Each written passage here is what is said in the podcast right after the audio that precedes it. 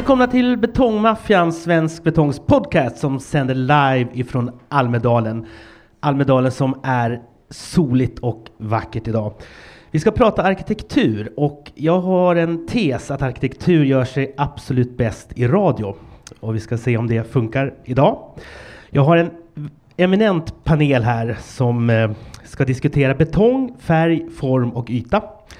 Och jag säger välkommen till dig, Rahel Belachev Lerdell från Belachev Arkitekter. Tack så mycket. Och eh, välkommen till dig, Staffan Korp från Brunnberg Forshed, där du är VD. Tack så hemskt mycket. Och så har vi Mårten Leringe, partner på CF Möller och årets betongarkitekt. Tack. Hur många gånger i år har du sagt att du är årets betongarkitekt? Eh, det, det, är ingenting som jag nämner. Jag är alldeles för blygsam ja, för att stoltsera förstår det. Förstår det. Vi ska göra en test nu direkt. Jag ska visa er en varsin bild och så ska ni beskriva då eh, med tre meningar tänkte jag. Så att publiken här och lyssnarna förstår. Så, så får vi se om det funkar då liksom med, eh, med eh, arkitektur i, i radio här. Här är Mårten Leringe på CF Möller. Får du beskriva, vad ser du? Färgglatt höghus med ett vertikalt trapphus i grön infärgad betong. Oj, vad bra. Ni ser det framför er va? Vet du vad det är för något? Jag vet att det är uh, byggnad. Är det nere? Nej, det är här i Stockholm. I Tensta. Tensta är det, precis. Mm. Känner du igen det på hans beskrivning? Mycket väl. Ja, vad roligt. Åke Sundvall tror jag beställer. Ja. Oj, vad ni kan. Då är det dags för dig då, Staffan Korp. Vad är det du ser där? Eh, det där är också ett eh, helprefabhus med eh, betongelement och eh, en vertikal sida och en horisontell sida. Mm. Då förstår vi direkt vad det är. Ett bostadshus alltså? Ja. ja. Ser du vad det är för något? Eh, ja, är, är det det vid Brommaplan? Nej? Nästan, det är Alvikstorn va? Ja. ja. Så det är nära. Nära. CF Möller. Precis. Är du nöjd med den beskrivningen? Ja, ja jättefin. Ja. Rahel, ska du få prova här då? Vad är det här för något? Tre meningar. Det här är också ett bostadshus klätt i kortenstål med integrerade balkonger och stora glaspartier i rostfärgad, rostbrun färg, roströd färg. Ja, vad bra. Vet du vad det är? Ja, och jag, det är Broberg Forshede och det ligger i, i, vid Midsommarkransen. Ja, bra. Vad duktiga ni var. Det här kommer bli ett jättebra program. Eh, såg ni de här bilderna framför er? Ja, alla nickar här. Entusiastisk publik här. Vad kul. Mm. Då ska vi gå in lite grann på det här då med betongen. Vi ska prata om betongens möjligheter, betongens problematik i, i arkitekturen också. Och jag tänkte vi skulle börja prata färg. Om ni bara var och en för sig här säger vad har betong för färg? Mårten Leringe. Eh, nej men på, på, vägen hit så tyckte jag det var roligt för då nämnde jag för några personer jag träffade att jag skulle prata betong en timme. Då sa de så här, men vad lämpligt att du har din t-shirt på dig. Och för er som inte ser den då så är den hyfsat färgglad i alla fall. Och så syftar de ju förstås på att den allmänna uppfattningen av betong är att det är grått och därmed tråkigt. Eh, jag tror ganska många arkitekter tycker att grått är fint. Eh, ja. Men betong är grått? Det tror jag är en generell uppfattning ja. eh, och jag tror att det är det. Ja, ja. vi får se. Mm. Vad säger du Staffan Korp? Eh, ja, men jag tänker också att betong kan vara infärgad och eh, då eh, både, i, både i hus såklart finns det infärgad betong men också i eh, bruksföremål och prydnadsföremål. Eh, jag tänker på Tove Adman som har gjort eh, betongpriset Roger. Mm. Hon jobbar ju mycket med infärgad betong och eh, med en otroligt fin yta. Bra. Rahel, vad säger du? Jag måste ju hålla med. Betong, och tänker man betong naturell så är det den gråa färgen, den betongens ursprungsfärg så att säga. Men vi kan ju färga in betong och skapa väldigt många olika typer av texturer och ytor. Huset som eh, Mårten eh, beskrev, som vi har ritat, är ju ett färgglatt hus i betong med mycket färg. Uh, men, och, och det är jobbar... infärgat, det är inte målad betong? Nej, det är faktiskt målat. Det men tanken mm. var att det skulle vara infärgat från början. Och vi har ett annat projekt på kontoret där vi tittar på en, ritar en kyrka. Och den ska vara helt infärgad och påminna om den röda jorden som man kan hitta i varmare breddgrader. Mm. Så betong kan bli lite grann vad som helst. Men jag tänker till dig då Mårten du sa att det var grått. Om man nu ska beskriva för sådana som inte är arkitekter så är ju inte betong riktigt grå. Ska man inte kunna ha ett bättre ord för det? Ja, men det är svårt att, alltså för det första, det går inte att säga att det har en färg. Alltså för färg, en sak är infärgad betong, men sen så har det så mycket med struktur och yta också att göra, vilken, vilken nyans man uppfattar att det har.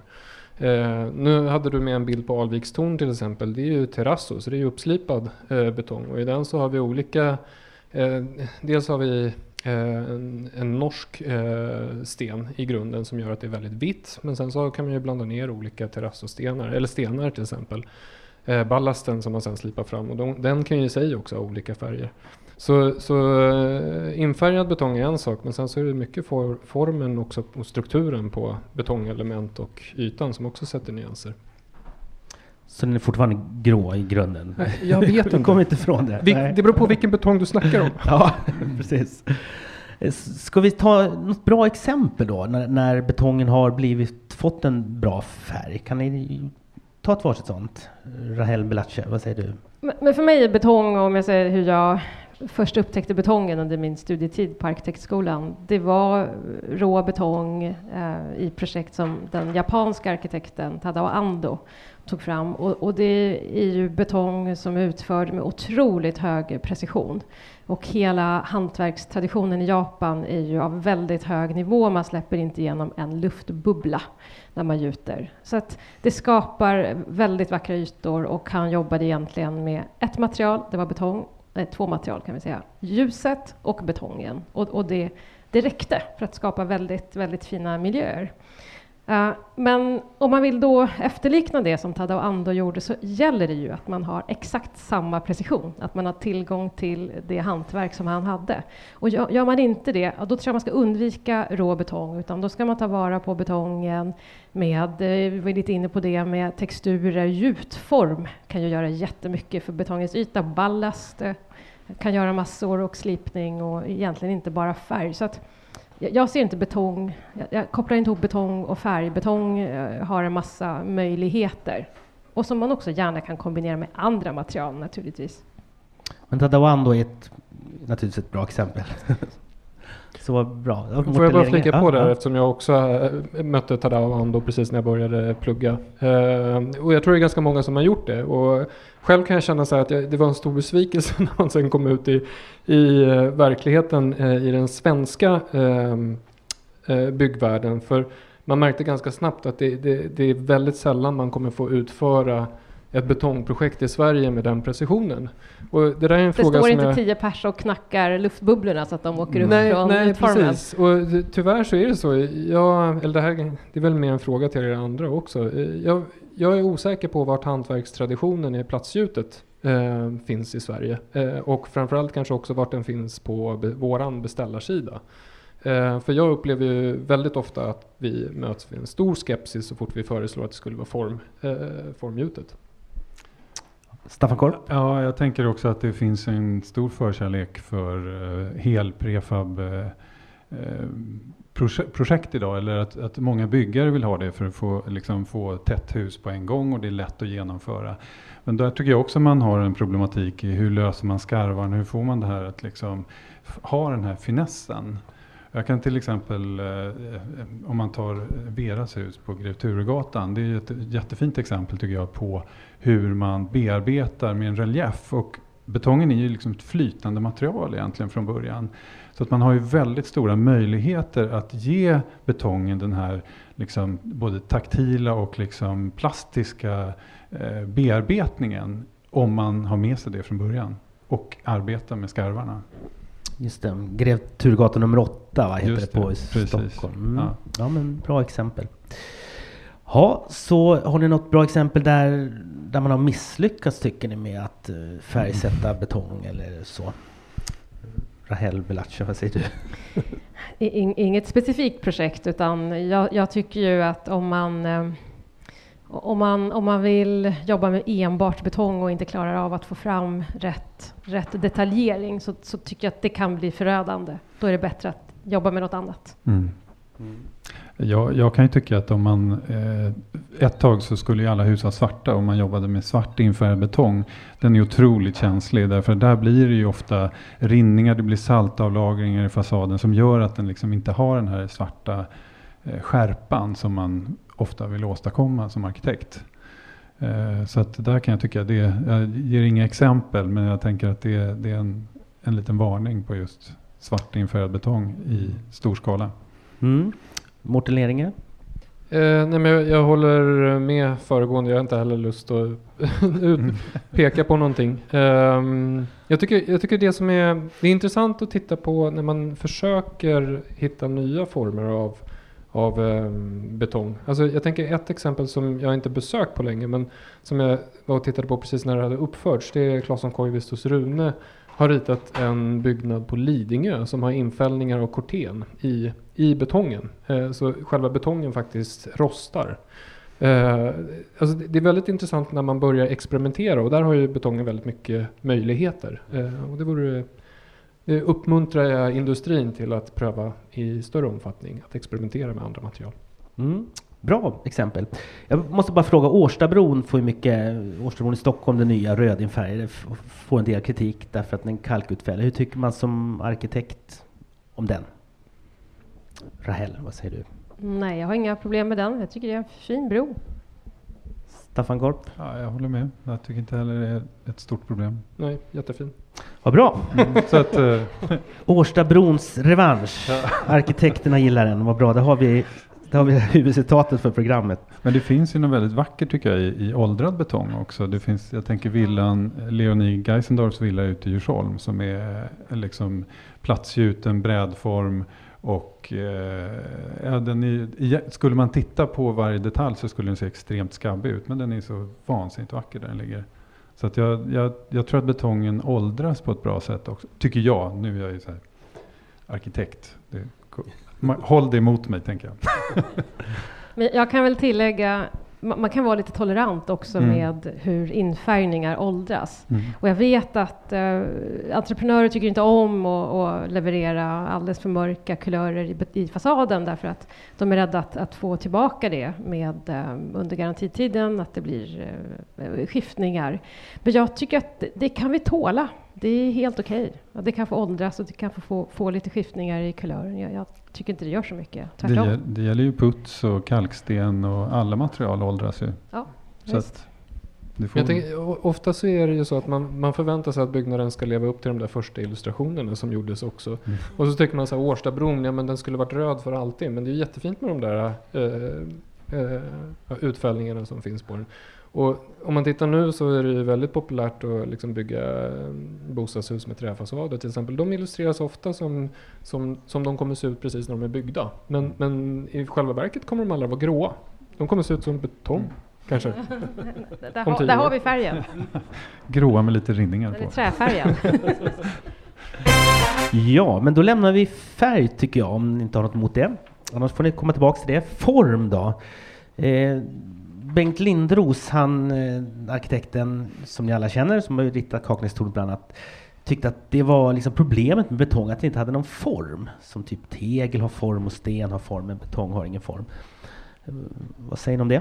Han kunde inte bestämma sig. Alltså det, man får ju bestämma vilken form man vill att betongen ska ha. Precis. Rahel, vad säger du? Jag tycker det är ju i särklass eh, betongens styrka, att den kan ha vilken form som helst. Och tittar vi på Sao Paulo och de fantastiska hus som eh, byggdes, nej, Brasilia, inte Sao Paulo, Brasilia, uh, som Oskar Niemeyer ritade och väldigt många av de fantastiska villorna som finns i Kalifornien som ligger ut med stup, uh, de är ju möjliga tack vare betongen. Mm. Att strukturellt så är ju betong väldigt intressant att jobba med och formmässigt. Staffan Korp? Jag tänker också på, det finns ett hotell i Paris som heter Foucault Barrière som är det är egentligen en, en eh, barock barockfasad fast den är gjord i fiberbetong och sen har man skurit upp stora glaspartier. Så att det är väldigt tydligt att det är en ny byggnad men den har hela den här plasticiteten som en barockfasad har. Oerhört eh, elegant gjort. Och det, det, det, skulle vara en omöjlighet i något, vilket annat material som helst. Har ni själva använt betong på något bra sätt formmässigt som ni vill berätta om? Då tar vi en jingel här. Nu fick ni en sekund extra att tänka. Nej, men jag, jag kan gärna lyfta fram eh, huset som vi pratade om i, eh, i Tensta, studentbostadshuset som precis är färdigt för inflyttning och där det har flyttat in 260 studenter.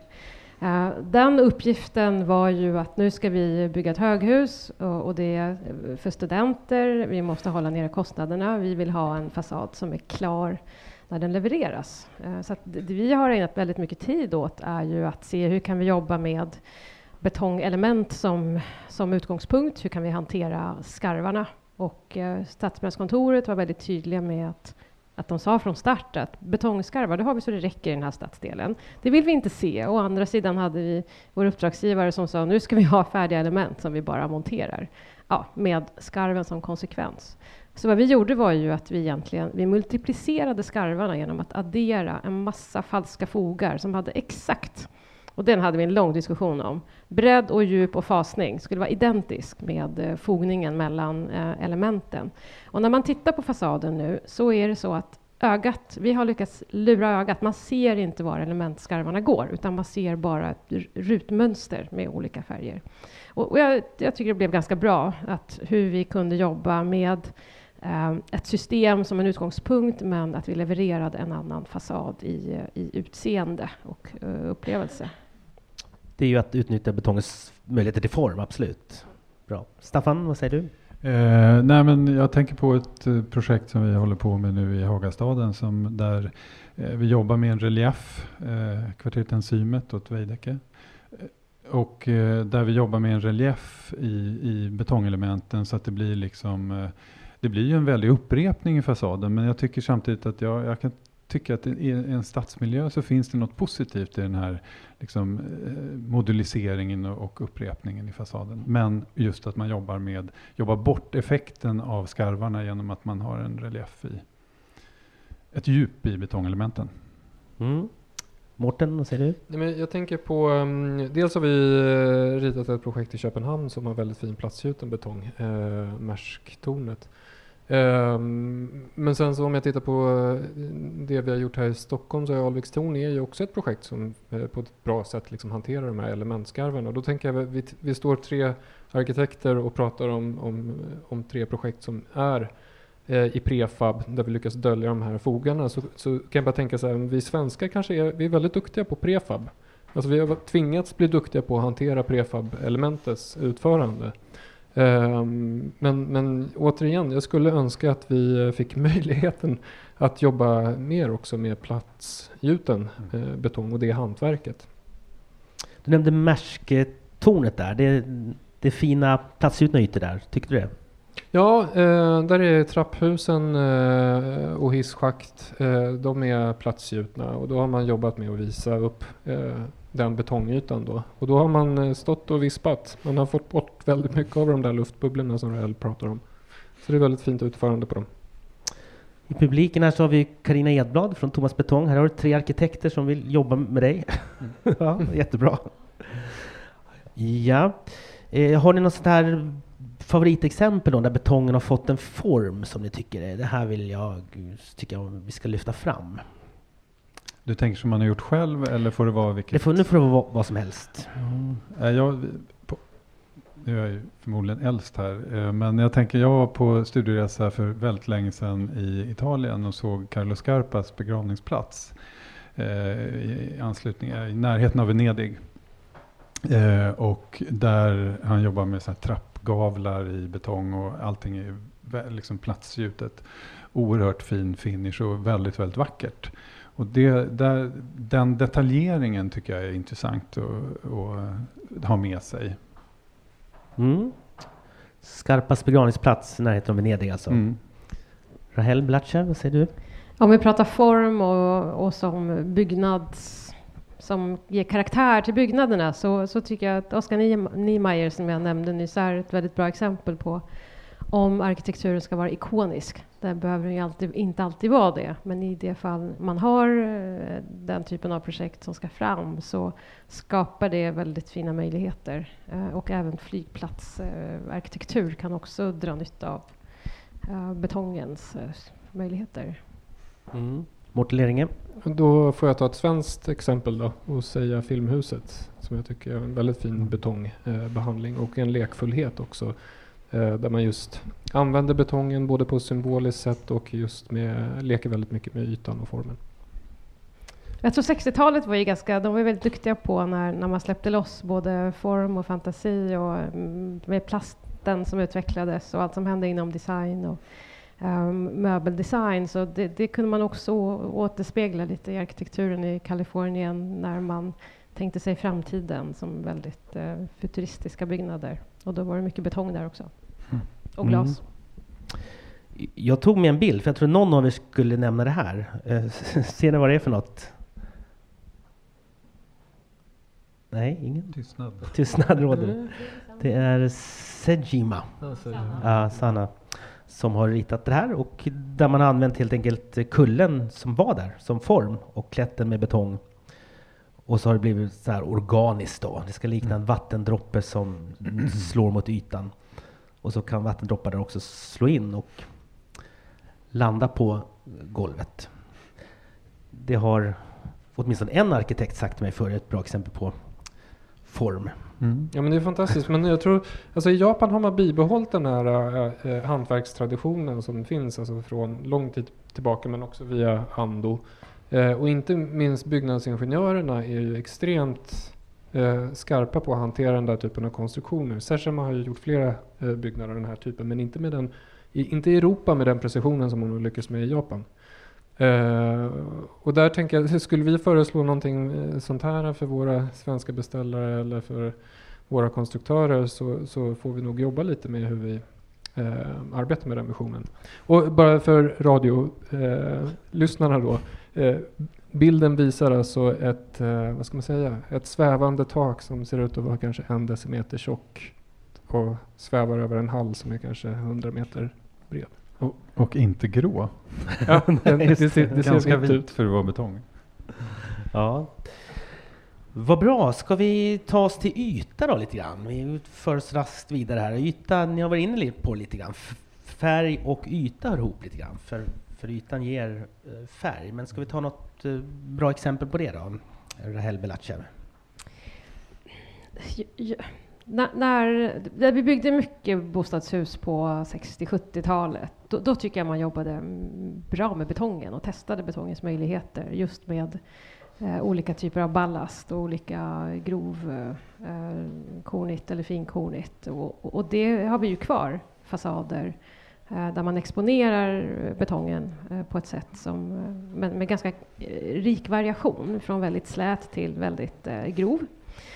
Så det tycker jag är ett bra exempel på när man faktiskt Ja, man, man fanns en stor experimentlust där man testade olika, olika sorters betongytor.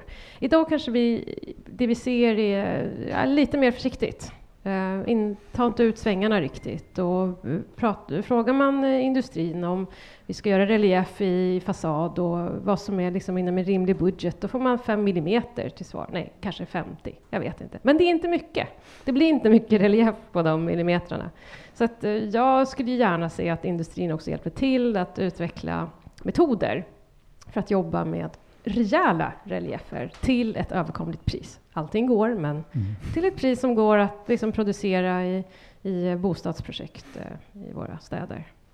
Mm, intressant. Mer reliefer. Vad säger du Staffan Korp? Ja, men jag håller med om det. Jag tycker att det vore uh, intressant. Uh, just den där diskussionen. Hur kan, man, hur, hur kan man sätta fönster i ett betongelement? Hur långt ut kan man sätta? Alltså det här att tänja gränserna för vad man faktiskt kan göra med betong.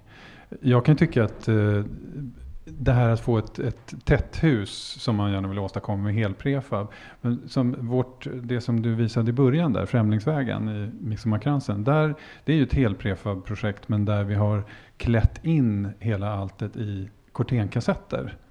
Eh, så att där är ju liksom tätt hus fort men sen med ett ytskikt av korten som, som då eh, på något sätt eh, i och för sig täcker av betongen men man får fördelarna av att man har ett tätt hus snabbt. Och om jag får tillägga, varför det är viktigt med att, att industrin hjälper till med den här utvecklingen beror ju på att eh, som vi har nämnt tidigare, vi, vi har inte budget eller ens eh, kapacitet eh, i branschen för att gjuta, platsgjuta betong.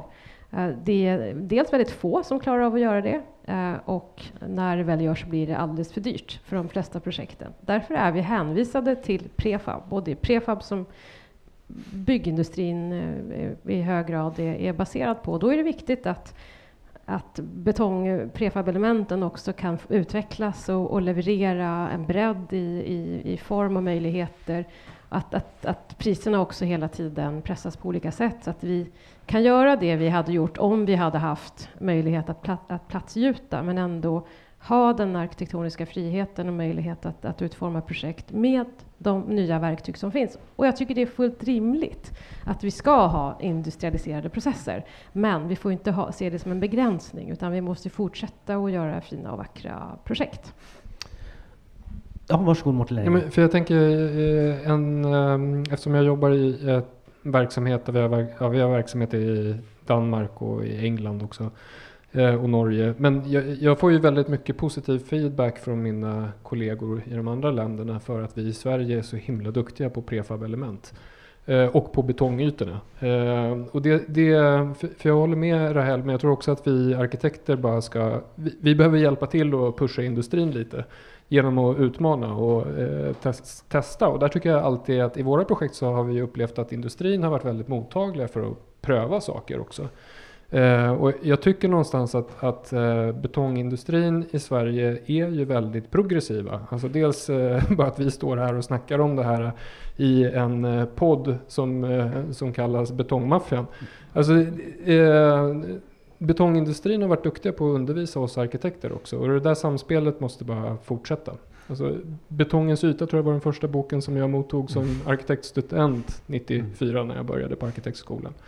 Eh, och den är, läser jag fortfarande. Bra. Vi har ju publiken här, Karina Edblad på VD på Svensk Betong. Nu har vi fått hört så mycket att eh, vi är dåliga på platsgjuta, vi har inte entreprenörer i Sverige. Du, du får kommentera det vare sig du vill eller inte. Ja, dåliga, men jag håller med. Det är brist på kapacitet idag och det är ett bekymmer. Men eh, jag är väldigt glad att höra att ni verkligen vill jobba vidare med platsgjuten betong. Eh, och det får vi som aktörer ta till oss och försöka att säkerställa ökad kapacitet och tar de möjligheterna. Eh, jag blir jätteglad när jag hör er prata om möjligheter med platsgjutet. Får jag bara kommentera det också? För Alltså, återigen tillbaks till de här personerna som jag mötte på vägen hit som tyckte att jag hade en färgglad tröja och att betong var grått. Eh, alltså I Sverige så jag, jag, tror vi har en allmän uppfattning om betong också som, som jag är lite osäker på vart den kommer ifrån. Men jag upplever att man i andra länder har eh, en bredare eh, vad ska man säga, acceptans för materialet betong. Alltså om vi tittar, när vi tittar eh, och blickar ut över Europa så är ju Schweiz väldigt lätt att titta på för att de har väldigt många fina platsgjutna eh, projekt och det utförs med en precision liksom som är väldigt bra och jag uppfattar att allmänheten tycker det är vackert. I Sverige så känns det som att vi, vi fortfarande har en liten uppförsbacke. Och jag vet inte riktigt var den kommer ifrån. Men... Jag, jag kan tro att det kommer lite från eh, de här eh, ganska stora miljonprogramsområdena där väldigt, väldigt mycket byggde på eh, liksom hur, långa, hur långt kranarna kunde lyfta mycket frilagd ballast, ganska hårda ytor och väldigt, eh, alltså taktiliteten i betongen var inte alls omhändertagen, eh, menar jag. Eh, jag tycker, att de, jag tycker att det är, vi har jobbat med renovering av ett eh, miljonprogramsområde i Vårberg och där det fanns vad ska man säga, betongelement med frilagd ballast och eh, nästan inga fönster inte roligt helt enkelt. Jag, jag, tycker, jag, jag, jag, kan förstå om vi själva som kår har raserat lite grann av vårt förtroende genom de åren mm. faktiskt. Mm. Men jag tror miljonprogrammet, och då pratar vi om de storskaliga miljonprogramsförorterna.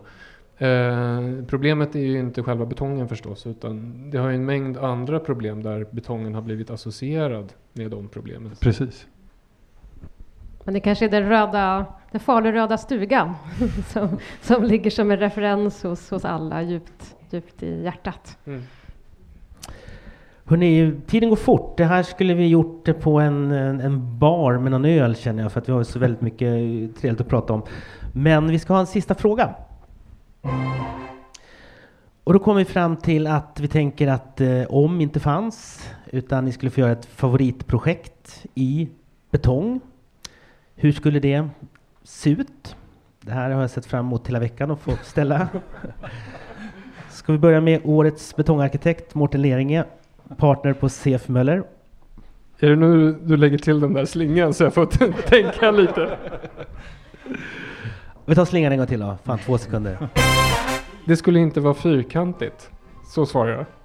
Inte fyrkantigt. Mm. Vad spännande. Ja, tack för det. Staffan Korp.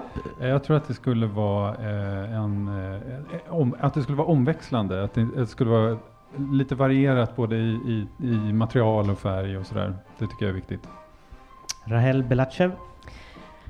Jag skulle se hur man på bästa sätt eh, skapar en kombination mellan betongen när den är som bäst och träet när det är som bäst och lite stål och lite glas. Härligt. Ingen sa att ni vill göra ett platsgjuten ikonbyggnad i Sverige. Det hade jag hoppats att ni skulle säga. Men det tar vi nästa gång. Men då måste man ju ha en anledning att bygga ikonbyggnad. Ja, men eh, det kan man få. Det här var om. Det Ja. fanns, fanns inga begränsningar. Tack så mycket för att ni kom hit. Rahel Belachev på Belachev Artecker. Tack så mycket. Tack för att jag fick komma. Tack så mycket Staffan Korp, VD på Brunnberg Forshed. Ja, tack snälla, jätteroligt. Tack så mycket Mårten Leringe, partner på CF Möller. Tack. Ni har lyssnat på Betongmaffian som sände sitt sista program från Almedalen i år. Men vi kommer tillbaka nästa år lovar vi med ännu intressantare program och lika intressanta som idag. Jag heter Roger Andersson, är chefredaktör på tidskriften Betong och programledare. Tack för att ni lyssnade!